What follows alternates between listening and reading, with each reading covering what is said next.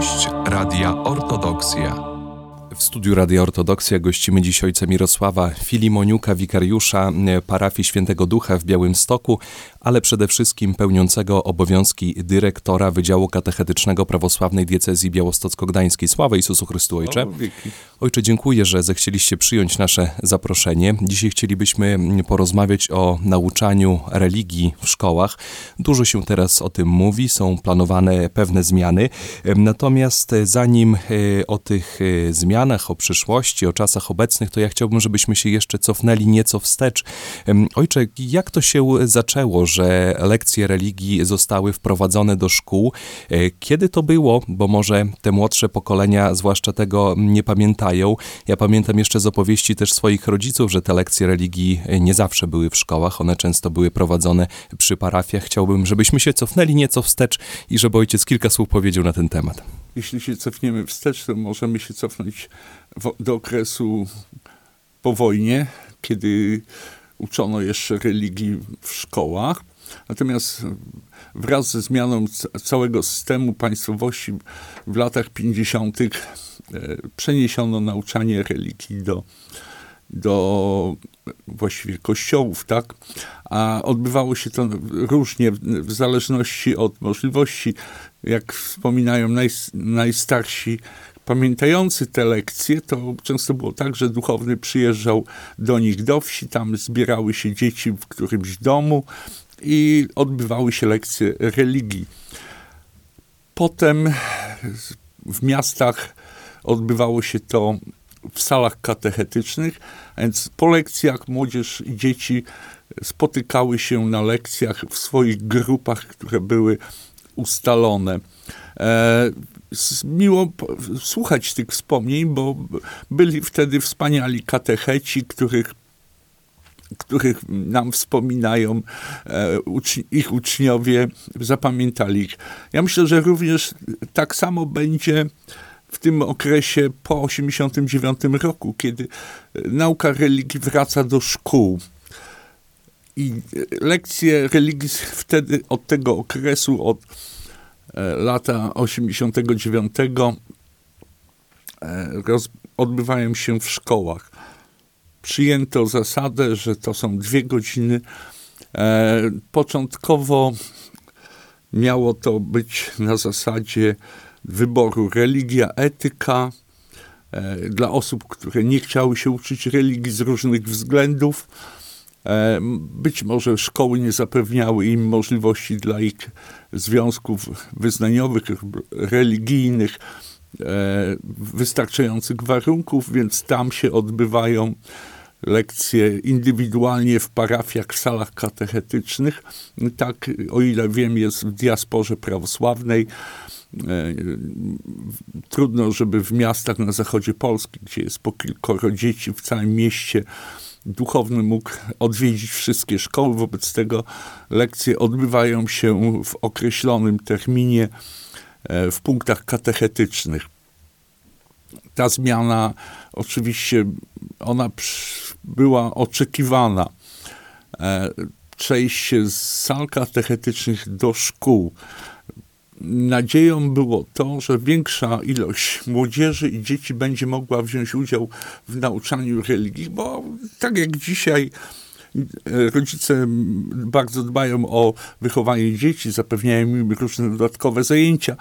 Jeżdżenie na jeszcze jedne zajęcia z religii było uciąż, uciążliwe, wobec tego ta propozycja, żeby ona była w szkole była częścią nauczania, E, bardzo szybko się dobrze przyjęła. Ona była, była rzeczywiście mm, przyjęta z dużym, dużym, dużą sympatią przez rodziców i myślę, że to wykorzystaliśmy maksymalnie jak się udało. Oczywiście były pewne trudności, jak zawsze, bo trzeba było dopasować się do systemu nauczania w szkole. E, próbowaliśmy, zrobiliśmy do tej pory, wydaje mi się, niezły y, program ramowy, na którym opieramy nauczanie. Y, początkowo brakowało pomocy naukowych. E, I tutaj te pomocy naukowe z czasem się pojawiły. Dzieci, zwłaszcza w szkołach podstawowych, mogą korzystać z podręczników, przygotowanych odpowiednio do programów, tak samo z ćwiczeń, różnych innych form, które są związane z, religią, z różnych konkursów. E, myślę, że miało to pozytywny wydźwięk dla społeczności. Natomiast z, z drugiej strony e, państwo, państwo nie zapewniło e, jakiegoś stałego miejsca dla religii, zostawiając ją jako zbędna kula, o którą się trzeba troszczyć, którą trzeba e, inwestować. Ojcze, ja myślę, że tutaj zaraz jeszcze rozwiniemy ten temat, natomiast e, chciałbym jeszcze ojca zapytać, bo to już jest jakby ogromne doświadczenie, jeżeli chodzi o te lekcje religii w szkołach. Tak jak ojciec powiedział, to już jest ponad 30 lat nauczania religii tak prawosławnej. Jest, 34 lata. 34 lata. To, to, to, to już jest jakby tutaj duże doświadczenie. Natomiast też chciałbym, ojciec również jest katechetą, aktywnym, e, jest ojciec duchownym. Z takiej perspektywy osoby duchownej, po co są potrzebne młodym osobom lekcje religii? Teraz mamy takie różne głosy na ten temat, ale z ojca perspektywy po co? Czy może nie wystarczyłoby to, że, że ta młodzież uczęszcza na nabożeństwa, na bractwo? Może to w zupełności by wystarczyło? Może rodzice by przykazali tą naszą prawosławną wiarę i tradycję? Jak ojciec to ocenia? Obowiązek nauczania religii spoczywa na wszystkich stronach. Tą podstawową stroną na pewno są rodzice. To od nich powinien wypływać ten impuls. Oni powinni sterować wykształceniem swoich dzieci. E, natomiast potrzeby młodzieży, no młodzież dzisiaj ma dostęp do, do bardzo łatwy dostęp do wiedzy poprzez internet, poprzez e, różne komunikatory, strony internetowe. E, Tyle, że trzeba pamiętać, że to, że ma się dostęp, nie oznacza, że ma się wiedzę. To jest jedna rzecz. Oczywiście e, to łatwo zdobyć tą wiedzę, coraz łatwiej, tak? Tyle, że też trzeba być pewnym, z jakich źródeł korzystamy, ja, ja taki przykład daję e, młodzieży, korzystamy ze Wikipedii, to jest takie popularne źródło, tak, nie ma taka encyklopedia XXI wieku, ale, ale rozbieżności między stronami e, po angielsku, po rosyjsku i po polsku mamy interpretację wydarzeń różną. E, przykład, proszę Państwa, sięgnijmy do do tego, jak przedstawiany jest chociażby Władysław Jagiełło. Polskie strony będą mówiły o tym, że był poganinem. Nic podobnego nie znajdziemy na rosyjskich stronach i angielskojęzycznych. Mowa o pogaństwie w XIV wieku na Wielkim Księstwie Litewskim jest chyba nadużyciem historycznym. No ale tak jest. I teraz z jakiego źródła my korzystamy? Pamiętajmy, bo to jest tylko taki przykład. Więc wykorzystywać musimy umiejętnie. Z drugiej strony yy, spotykamy się z dziećmi, na parafiach przygotowujemy dzieci do pierwszej spowiedzi, więc te dzieci, które idą do szkoły. Yy, trochę się nam te warunki zmieniły, bo to często są sześciolatkowie, więc e, dzieci, które są jeszcze związane bardzo z rodzicami, przeżywają e, wszystkie nowe spotkania. Zresztą to bardzo ważne, kiedy idą po raz pierwszy do szkoły. Przecież rodzice się zwalniają z pracy, prowadzą dziad, dziadkowie, całe rodziny. To widzimy, kiedy się rozpoczyna rok szkolny wśród tych pierwszoklasistów. I to samo staramy się powtórzyć z pierwszą spowiedzią. Więc ja pracując z takimi dziećmi, to zapraszam rodziców przede wszystkim do kontaktu. Dzieci się bawią, a rodzice słuchają. Te, wtedy jest najlepszy kontakt, więc jest ta współpraca Kościół e, i rodzina. To najbardziej pożądany efekt. I młodzież, ona oczywiście może wybrać, ma alternatywę wyboru, ale my, jak większość, mamy w sobie wpisaną tą słabość do tego, że jak nie muszę, to to może nie skorzystam innym razem. I tak samo wymóg związany z nauczaniem religii, bo tu się nie. Po, to, to wrócę do tego, co chciałem powiedzieć wcześniej. Nie pojawił się żaden impuls ze strony państwa, do, ku czemu ma służyć religia. Państwo traktowa, traktuje i traktowało nauczanie religii jako sprawę Kościoła. Państwo, ale nawet w państwach świeckich, w których jest rozdział Kościół-Państwo, nauczanie, nauczanie czegoś, co jest związane z religią, czyli religioznawstwa, etyki odbywa się. I tutaj ja się powołam na, te, na ten taki ob, mm, materiał, który trafił do mediów. E, we wszystkich europejskich państwach odbywa się nauka religii. To przygotowało Kaj. E, tam zwrócono uwagę na to, że w, tylko nie w Rosji, Białorusi i Francji, podkreślając, że we Francji odbywa się to regularne nauczanie religii w dwóch landach, które dwóch, e, dwóch, na dwóch terenach przygranicznych z Niemcami, ponieważ w Niemczech e, nauka religii jest stałym elementem. Tylko, że nikt nie zwrócił uwagi na to, że w tych państwach, w których nie ma nauczania religii, jest przedmiot, który w podstawie ma zaznajomić młodzież z religią, i, a właściwie z religiami, które tworzą ich kulturę. To są podstawy kultury rosyjskiej, na przykład w Rosji, a we Francji to, to jest właśnie e, podobny przedmiot, który ma w swojej podstawie pokazać wpływ e, religii na rozwój kultury francuskiej. Religii islam, który się szeroko pojawił wraz z kolonializmem francuskim, E, wyznanie mojżeszowe, które jednak też stanowiło jakiś zaczyn dla tworzenia się tamtej kultury. No i oczywiście niewątpliwie rzymski katolicyzm, a w ostatnim stuleciu bardzo licznie prawosławie, które jest dość szeroko reprezentowane w społeczeństwie Francji. Więc młodzież musi, mimo świeckości rozdziału, ona musi znać podstawę swojej kultury. A ta kultura to jest kultura, którą często nazywamy judeo-chrześcijańską, czyli opartą o Biblię. I nasz jak to podkreślają niektórzy, humanizm, on wypływa też z tych samych przesłanek, na których oparta jest Biblia, z tych zasad etycznych i moralnych.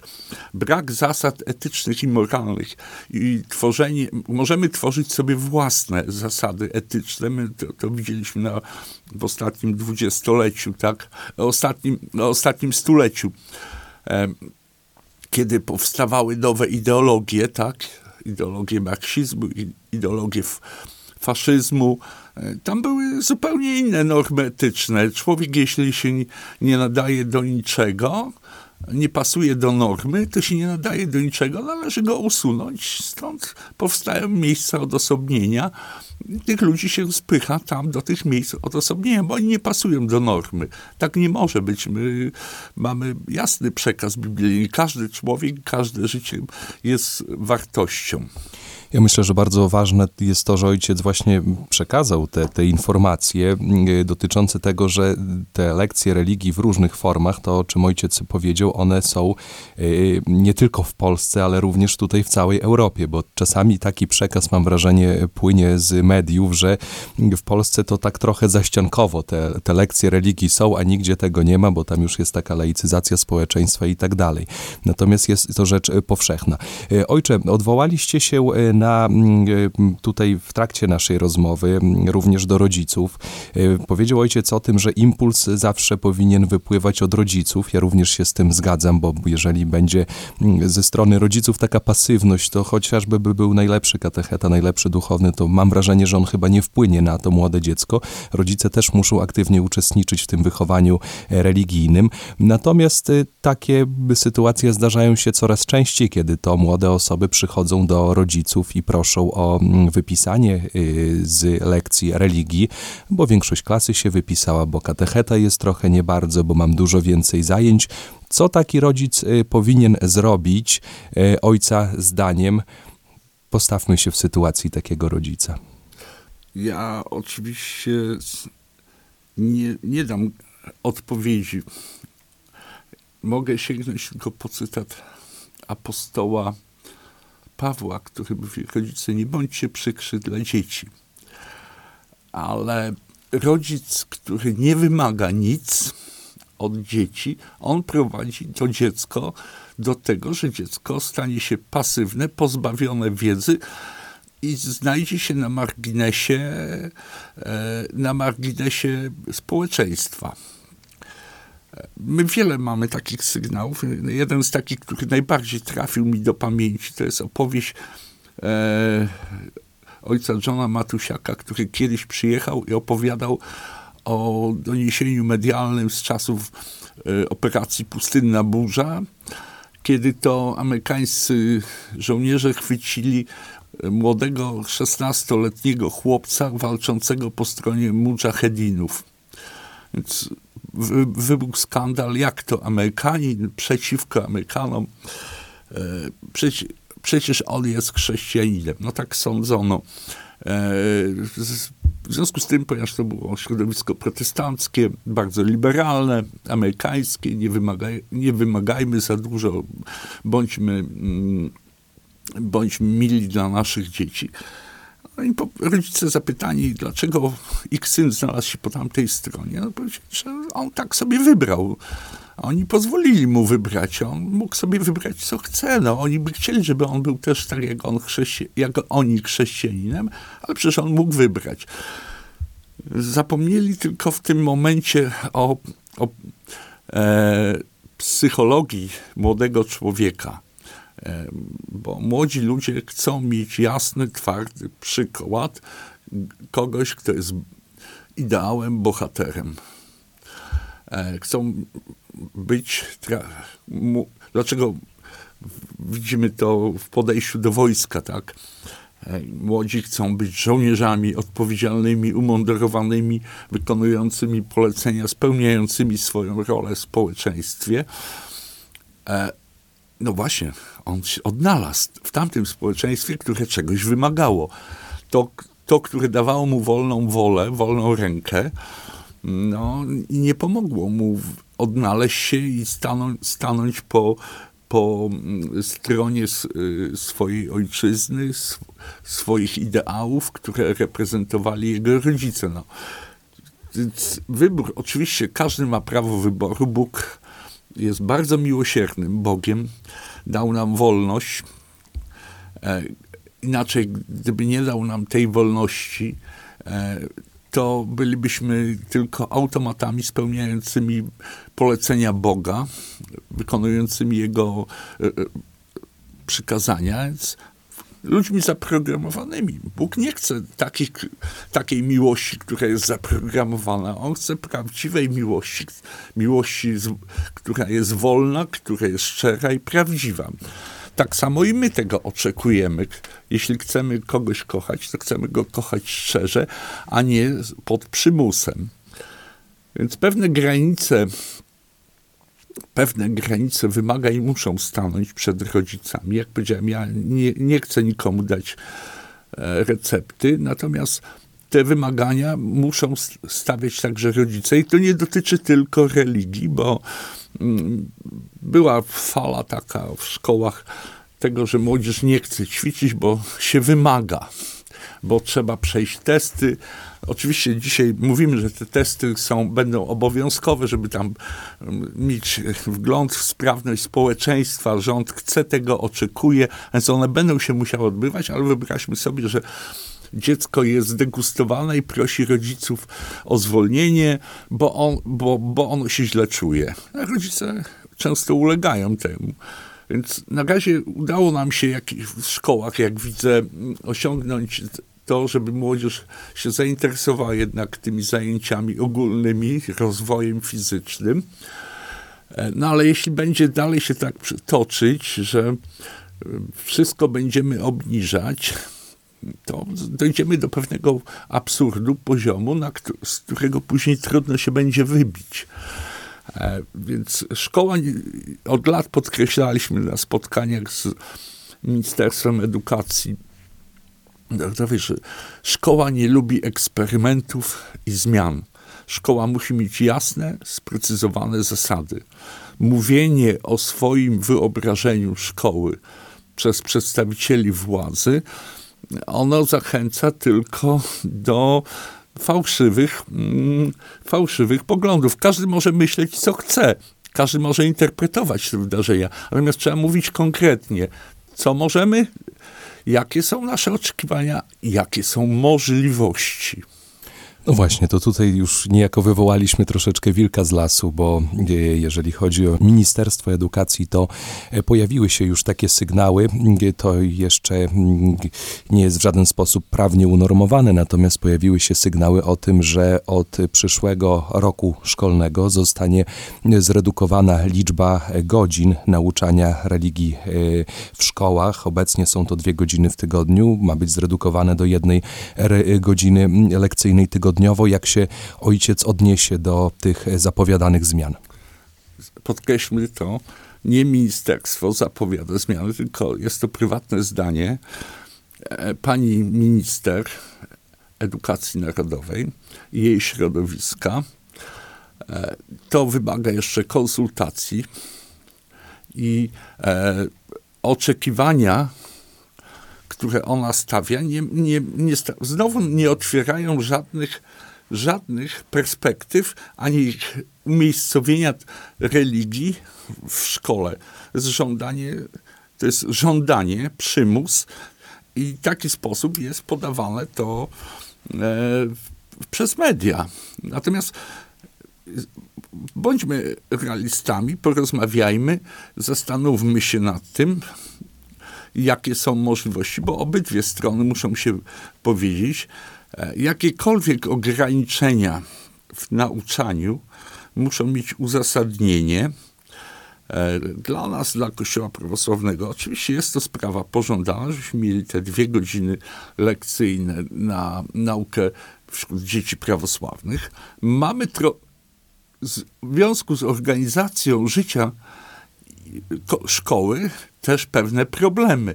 My ich może nie dostrzegamy na co dzień, ale to są bardzo istotne problemy związane z e, umiejscowieniem w, w, w zajęciach, z możliwością zabezpieczenia odpowiedniej kadry. Oczywiście cały czas pracujemy, e, od, od, lat prowadzimy doradztwo naukowe, nasi katecheci się rozwijają. E, pewnie jeśli trzeba, to wykorzystywani są w szkole do, w, w, różnych innych pracach, nie tylko w nauczaniu religii, ale też w pracach społecznych na rzecz szkoły.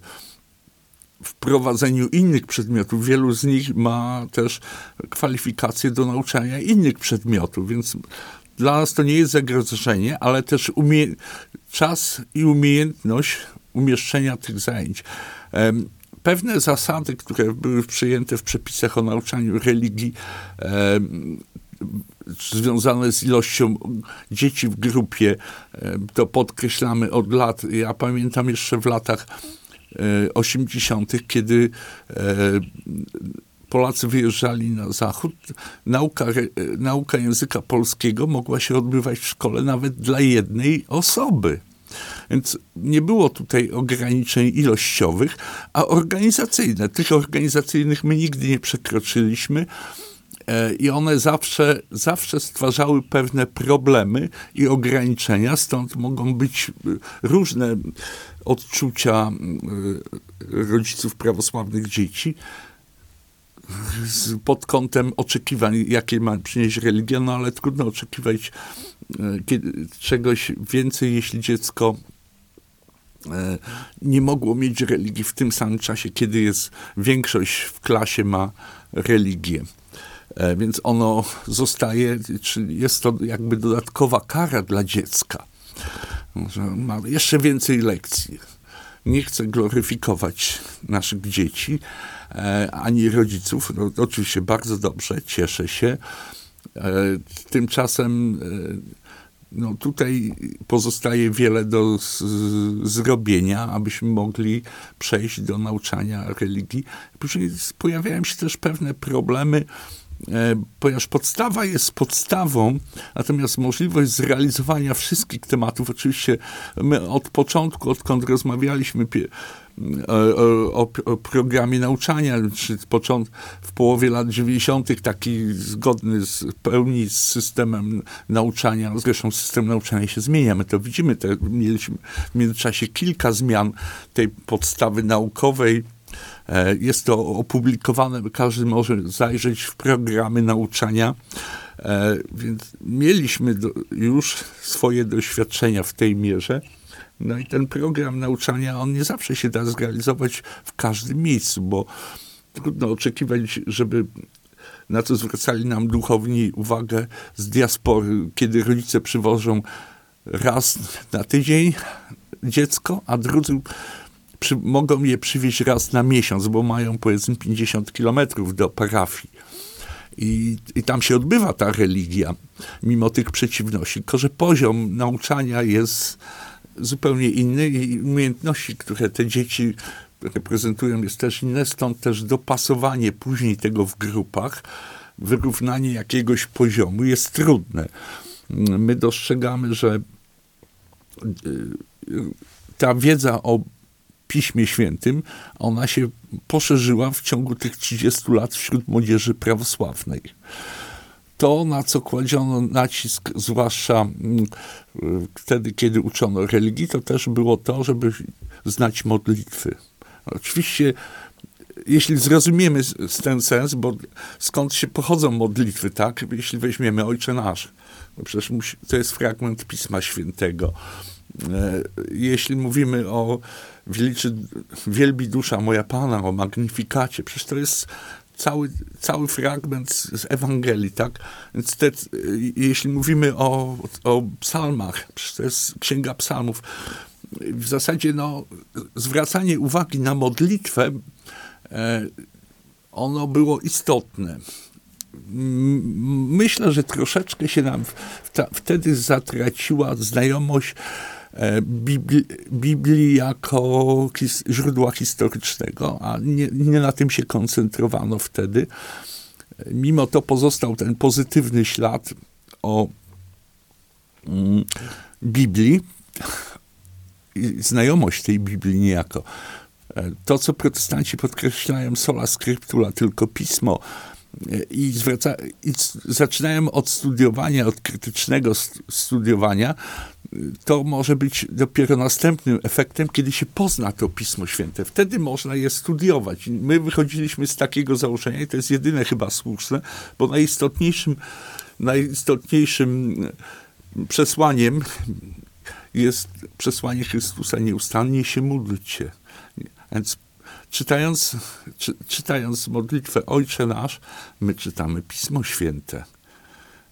A wielu nie dostrzegało tego i no, widzieli tylko w tym klepanie modlitw. To nie jest tak, że to są modlitwy, które się klepie. Od, odmawiamy je, mając na myśli przesłanie i miejsce, czas, z którego pochodzą, sięgamy do Biblii, do źródła. A to jest nasze źródło, czyli objawienie Boże, które Bóg nam zesłał przez proroków i apostołów. Dla tych, którzy przyłączyli się do naszej rozmowy, przypominam, że w naszym studiu gościmy dziś ojca Mirosława Filimoniuka, pełniącego obowiązki dyrektora Wydziału Katechetycznego e, Prawosławnej Diecezji Białostocko-Gdańskiej. Rozmawiamy dziś o nauczaniu e, religii prawosławnej w szkołach. No właśnie, teraz jest w szkołach. Ojciec Mirosław e, wspominał również o tym, że z takim uśmiechem, z sentymentem również wspominamy ten czas, kiedy te lekcje religii organizowane były przy parafiach, gdzieś tam w domach, w mniejszych miejscowościach. Ojcze, pojawiają się również takie sygnały, że może to by było lepiej, ażeby to przy parafiach wszystko się odbywało. Jak ojciec odniósłby się do e, tego tematu? Pierwsza różnica, którą dostrzegliśmy po wprowadzeniu religii, to jest nie jakościowa, a ilościowa. Oczywiście przeszliśmy od jakości, czyli od tego uduchowionego, modlitewnego życia do e, szerokiego głoszenia Ewangelii. I tutaj pewnie jakość tego w, w takim szerokim publicznym nauczaniu no, mogła ulec osłabieniu. Natomiast przekaz i misja, którą szerzymy przez nauczanie religii, jest dużo szerszy. Myślę, że dużo większa jest świadomość, dużo więcej osób uczestniczy w, w nauczaniu religii, niż gdyby to się odbywało w salach katechetycznych. Ja wrócę tylko do tego tematu. Rodzice mówią, dzieci są przeładowane, mają tyle zajęć dodatkowych, jeszcze dodatkowe zajęcia, wo- więc trzeba było te dzieci wozić, młodzież musiałaby chodzić na dodatkowe zajęcia. E, nie wiem, jak, jak to by się mogło dzisiaj przełożyć, bo trzeba to. Wtedy to był odpowiedni czas i mm, cerkiew sobie z tym poradziła i dzisiaj sobie też poradzimy. E, niemniej pozostały formy, które wyrosły, nim religia przeszła do szkół, a więc działalność chórów dziecięcych, młodzieżowych, chórów dorosłych, które też rozwijają religijnie. Oprócz tego działalność bractw. Widzimy, że te bractwa są aktywne. Mm, e, Może oczekujemy za dużo i chcemy więcej od nich, ale one działają, one, one y, pracują. To pojawił się ośrodek Eleos. Tych, tych działań nie było wtedy, kiedy, był, kiedy było nauczanie religii zepchnięte do, do, do sal katechetycznych czy do, czy do mieszkań wiernych. Więc jest jakiś pozytywny oddźwięk i w zależy też od oczekiwań, jakie będzie postawi przed nami e, e, sytuacja, ale też i możliwości, na pewno musimy wziąć pod uwagę możliwości e, finansowania tego nauczania, to nie ulega wątpliwości. E, Chociaż o to, tak szczerze mówiąc, wydaje mi się, że nie powinniśmy się troszczyć, ponieważ państwo przejęło troskę o finansowanie i jest odpowiedzialne za finansowanie. E, W dużej mierze to dotyczy przej- przejęcia majątku Kościoła Prawosławnego. Ja nie mówię o Kościele rzymskokatolickich czy innych związkach wyznaniowych, ja mówię tylko o tym, co nas dotyczy, ponieważ nas to dotyczy nie od czasu II wojny światowej od 1946-1948 roku, ale nas to dotyczy od 1919, kiedy państwo polskie przejęło w zarząd tymczasowy majątek Kościoła Prawosławnego. E, Te sprawy nie zostały uregulowane, ale przez ten majątek pozostawał w, e, w, w dyspozycji państwa i e, państwo było zobowiązane do zabezpieczenia życia religijnego Kościoła Prawosławnego jako organizacji. Ten temat bym nie poruszał. To, to, jest, to jest temat rzeka, temat, który wymaga e, jeszcze wielu pewnie uzgodnień ze strony Kościoła i państwa. To nie jest temat katechezy. Niemniej środki, które były przeznaczane, to nie, nie zapominajmy, że to nie są środki wzięte z budżetu, tylko środki z zarządu tymczasowego. A majątek, który był w tym zarządzie, to był majątek, który, na który składali się wierni Kościoła prawosławnego, więc nasi przodkowie e, składali się, e, żeby kupić ziemię, bo warunkiem e, wydania dekretów królewskich zezwalających na otworzenie parafii było posiadanie zabezpieczenia finansowego, nie na tylko budowę, ale także na uposażenie i utrzymanie parafii. To przepisy prawa były wtedy różne, od, w zależności od miejsca, od 25 do 40 hektarów, tudzież dla klasztorów nawet 150 hektarów ziemi. Tylko po to, żeby otworzyć jakąś parafię lub klasztor. To, zabezpiecza, to zabezpieczali wierni. Nie zapominajmy o tym. To, to, to, nie był, to nie są jakieś pieniądze budżetu, to są pieniądze z tych społeczności lokalnych, które e, się na to składały. I zostaliśmy ich w brutalny sposób pozbawieni i dzisiaj e, manip- ktoś manipuluje opinią publiczną, e, ktoś mówi o nadużyciach. Oczywiście, no więc zawsze temat, temat może być nośny, temat uposażenia, e, bez względu na to, o czym mówimy, czy o uposażeniu nauczycieli, czy ministrów, sprzątaczek duchownych to zawsze temat nośny. Nie ulegajmy y, tutaj emocjom. W każdym razie środki powinny być zabezpieczone, powinny być wystarczające. Istotne jest dzisiaj w tej, w tej debacie, która będzie podjęta niewątpliwie, to czy państwo, czy ministerstwo widzi i jak widzi miejsce nauczania religii w kontekście nauczania religii w Europie, w której jesteśmy. Czy będzie to zrozumiane jako sens i cel, czy nadal będzie traktowane jako daliśmy, więc każdy ma prawo, każdy może. Proszę nauczać robić co chcecie. Decyzja zależy od rodziców. Rodzice też często są zdezorientowani jakie są granice i czego powinni, powinny się uczyć ich dzieci, co będzie potrzebne ich dzieciom w życiu. Dla nas niewątpliwie z punktu widzenia Kościoła niezbędne jest to, aby uświęcić wiernych, aby to uświęcenie przeszło w zbawienie, a to jest najważniejszy cel życia człowieka osiągnąć zbawienie. Po drodze są inne cele, które pomagają nam dojść do tego najważniejszego celu, czyli do życia wiecznego. Bo ja pytam młodych ludzi, chcesz, chcesz pójść do nieba? Chcę. A chcesz być świętym? No, zaczynają się wahać. Ja świętym, wątpliwości. No ale jak nie będziesz świętym, to nie pójdziesz do nieba. Nie no, to chcę być świętym. To, ale to jest wezwanie, które jest potrzebne, żeby wiedzieć, po co się, po co uczestniczę w życiu religijnym. Jakie jest, jak, jakie jest to moje, to moje miejsce. Z drugiej strony też powstaje powstaje dzisiaj trend, który jest znany z historii, kiedy kiedy świat próbuje walczyć z religią. Nigdy nie było przepisów jednoznacznie dyskryminujących ludzi. Ani w Imperium Romanum, ani w Związku Radzieckim. Nie było przepisów, które dyskryminowałyby Kościół. We wszystkich tych miejscach była, była podkreślana swoboda, wolność e, myślenia. Ale i w jednym, i w drugim imperium był silny nacisk na to, żeby wyrzec się religii, żeby wyrzec się Boga. Ja mam wrażenie, że nasza młodzież dzisiaj stoi przed, przed właśnie takim wyborem, przed naciskiem społecznym. Nie mówi się bezpośrednio, wyrzec, wyrzekaj się Boga, przestań chodzić na religię przestań uczestniczyć w tych zabobonach. To jest niebezpieczne.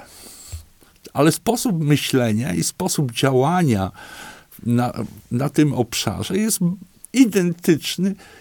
Wystarczy, że się wyrzekniesz, przestaniesz chodzić na religię, my się ciebie nie czepiamy, jesteś fajnym przyjacielem.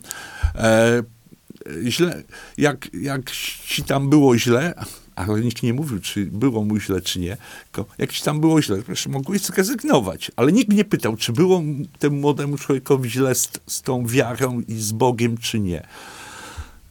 To, to jest pewne przekraczanie granic, które toczy się powoli. Przecież e, z historii, którą odkrywali kiedyś młodzi Rosjanie, jeszcze pamiętam z czasów przed, przed tym konfliktem na Ukrainie, młodzież rosyjska bardzo się interesowała tym okresem sowieckim.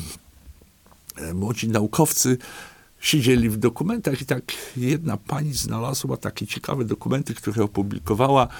Sposób podejścia e, do religii, w jaki sposób zlikwidowano cerkiew. Przyjechał do miejscowości Agitator, miejscowości oczywiście po wojnie, po rewolucji, głód, trudności. Stwierdził, że jest perspektywa, że towarzysze, będziecie znakomicie prosperować. Trzeba pobudować fabrykę. Gdzie? No, najlepiej na tym wzgórku, na którym stoi cerkiew, bo tam będzie dobre zaopatrzenie w wodę. E, no ale cerkiew trzeba rozebrać. No to jak się dorobicie, to ją postawicie. cała wieś z entuzjazmem zdjęła fundamenty z cerkiew, usunęła. Fabryka się nie pojawiła. Głód i ubóstwo pozostał i pozostał jeden głęboki wstyd. Więc wcale nie walczono z, z religią. Po prostu cele społeczne były ważniejsze niż religia. A czy one były spełnione? Czy, czy osiągnięto to, do, o czym mówiono? Natomiast co stracili ci ludzie? Ja się boję, że te nasze młode pokolenie dzisiaj staje w takich samych kwestiach wyboru. I ono musi stanowczo mówić: Jestem wierzącym, jestem odpowiedzialny e, w kwestiach wiary. Jak się uczę, to nie ma znaczenia. Ważne, że się uczę, że uczestniczę w procesie. Ojcze, jaka jest rola e, nas wszystkich, i rodziców, i katechetów, i duchownych, w tym, co ojciec powiedział, żeby tą naszą młodzież, dzieci zachęcić do tego, żeby żyła zgodnie z nauką naszej cerkwi, żeby uczestniczyła w nabożeństwach i przede wszystkim, żeby nie wstydziła się tej swojej wiary? To są te trzy elementy, które uczestniczą w nauczaniu. Zawsze podkreślaliśmy to, odkąd wróciliśmy do szkoły. Kościół, szkoła, rodzice.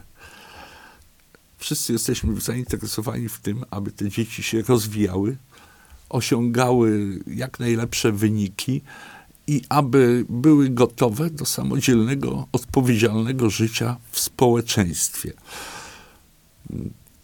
Musimy musimy być dzisiaj przygotowani na wszystkie zmiany i na pewno odnajdziemy się. W, to nie ulega wątpliwości. Chrystus powiedział, że odbu odbuduje swoją cerkiew w ciągu trzech dni i drzwi piekieł jej nie przemogą. Tak też się stało. Nic, nic nie może zachwiać w, w, w podstawie cerkwi.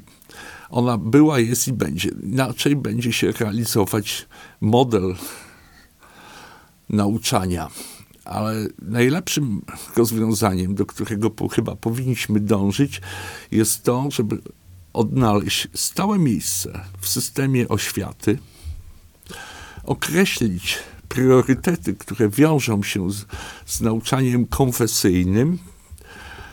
Oczywiście dla nas, jako Kościół prawosławny, interesuje to, abyśmy mogli przedstawić naszą naszą wiarę, naszą naukę dogmatyczną, ekle, eklezjologię e, w sposób zrozumiały, ale także, żeby zapoznać naszą młodzież z tym, co daje im cerkiew. Niewątpliwie, ja podkreślam w wielu miejscach, te osiągnięcia kulturowe, które były, są i będą, są związane z nami tak samo, tak jak świat się rozwijał to prawosławni nigdy nie byli na marginesie rozwoju społecznego.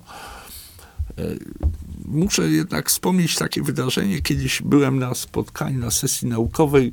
Dotyczyło to mm, sytuacji w wieku XVI-XVII e, i późniejszych.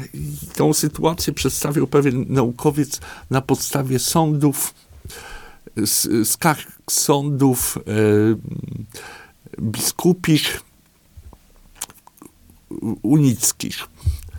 E, właściwie jak się posłuchało tego, to można było, to można było obudzić się w rzeczywistości pijactwo, e, różne ekscesy, same kłopoty. Jak, ludzi, jak żyć? E, ale pewien prawosławny, młody uczony zapytał, e, jaki procent e, tych spraw, jaki procent osób dotyczą te sprawy. To, jest, to, to dotyczyło około 2% społeczności. 98% przedstawiało inne wartości natomiast wnioski stawiane były na podstawie e, e, dokumentów sądowych, więc jakby tak popatrzeć na dzisiejsze społeczeństwo, to, mo, to moglibyśmy powiedzieć, że w społeczeństwie są sami złodzieje, oszuści, e, mordercy, no bo takich mamy osadzonych. A życie, a życie e, społeczne, spójrzmy na, na, na, na naszych sąsiadów, na to, jak żyjemy. To jest zupełnie inny obraz. To nie jest obraz przestępców, z, złodziei, którzy są na każdym kroku. Więc my musimy w odpowiednim świetle przedstawiać to, co osiągnęliśmy, co osiągamy i dawać pozytywny wkład w rozwój społeczności. Tak mi się wydaje, że na podstawie chociażby tego konkursu, który prowadzimy od lat, czy też innych konkursów, no my staramy się tak, żeby te konkursy pasowały do tego systemu, który, który propagowany jest, czyli do systemu szkolnego.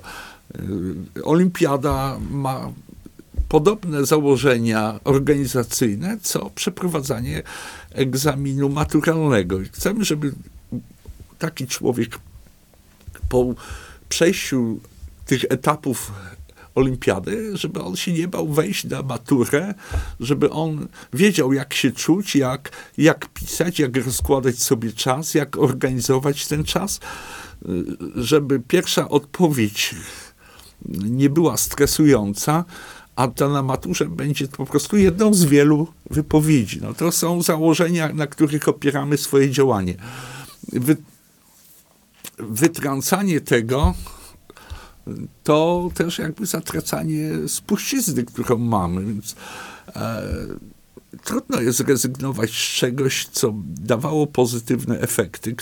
Te efekty są niewyczuwalne, tak jak efekty nauczania, bo efekt nauczania nie ocenia się po, po tygodniu, po dwóch. To nie, praca nauczyciela nie jest pracą pracownika fabryki, który może przynieść nam odpowiedni e, produkt, pokazać, proszę, w ciągu tygodnia wyprodukowaliśmy to i to. Proces nauczania to jest co najmniej, jak podkreślają e, pedagodzy, trzyletni. Po trzech latach dopiero można oceniać pewne efekty tego, jak oddziaływaliśmy i jak to oddziaływanie wpłynęło na tego, do którego jest skierowane, do, na ucznia. E, I ja oczekuję więcej pozytywnego przekazu dotyczącego nauczania religii, zrozumienia i poszukiwania sensu. Moi, jak moich, moich podo- uczniów pytam, to czasami są na początku e, oczywiście mogą zdobyć tą wiedzę, ale są nieprzygotowani do tego, jak rozmawiać o Biblii. Tak? Oni wiedzą, co to jest, jak to się, jak to się czyta. Natomiast trzeba ich przekonać, pokazać im, czym jest Biblia i do czego może służyć.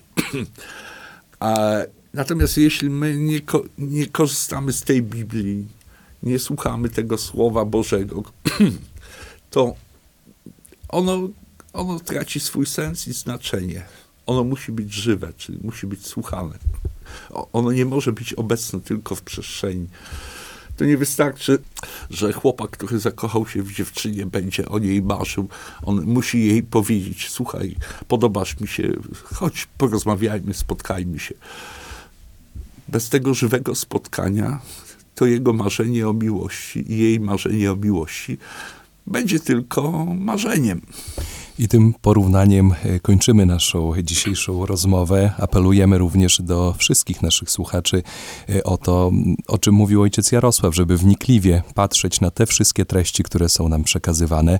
Ojcze, bardzo serdecznie dziękuję za dzisiejszą rozmowę. Ja myślę, że te wyjaśnienia ojca i pewne sugestie, które ojciec tutaj przekazał naszym słuchaczom, to też e, posłużą do tego, żeby zastanowić się nad, nad tym wszystkim, żeby też wypracować pewne swoje zdanie, a nie powielać te zdanie, które gdzieś tam w mediach jest e, zasłyszane.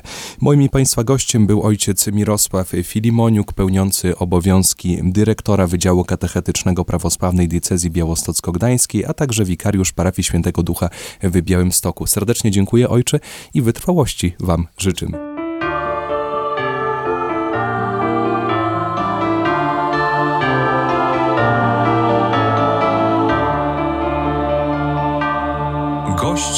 Radia Ortodoksja.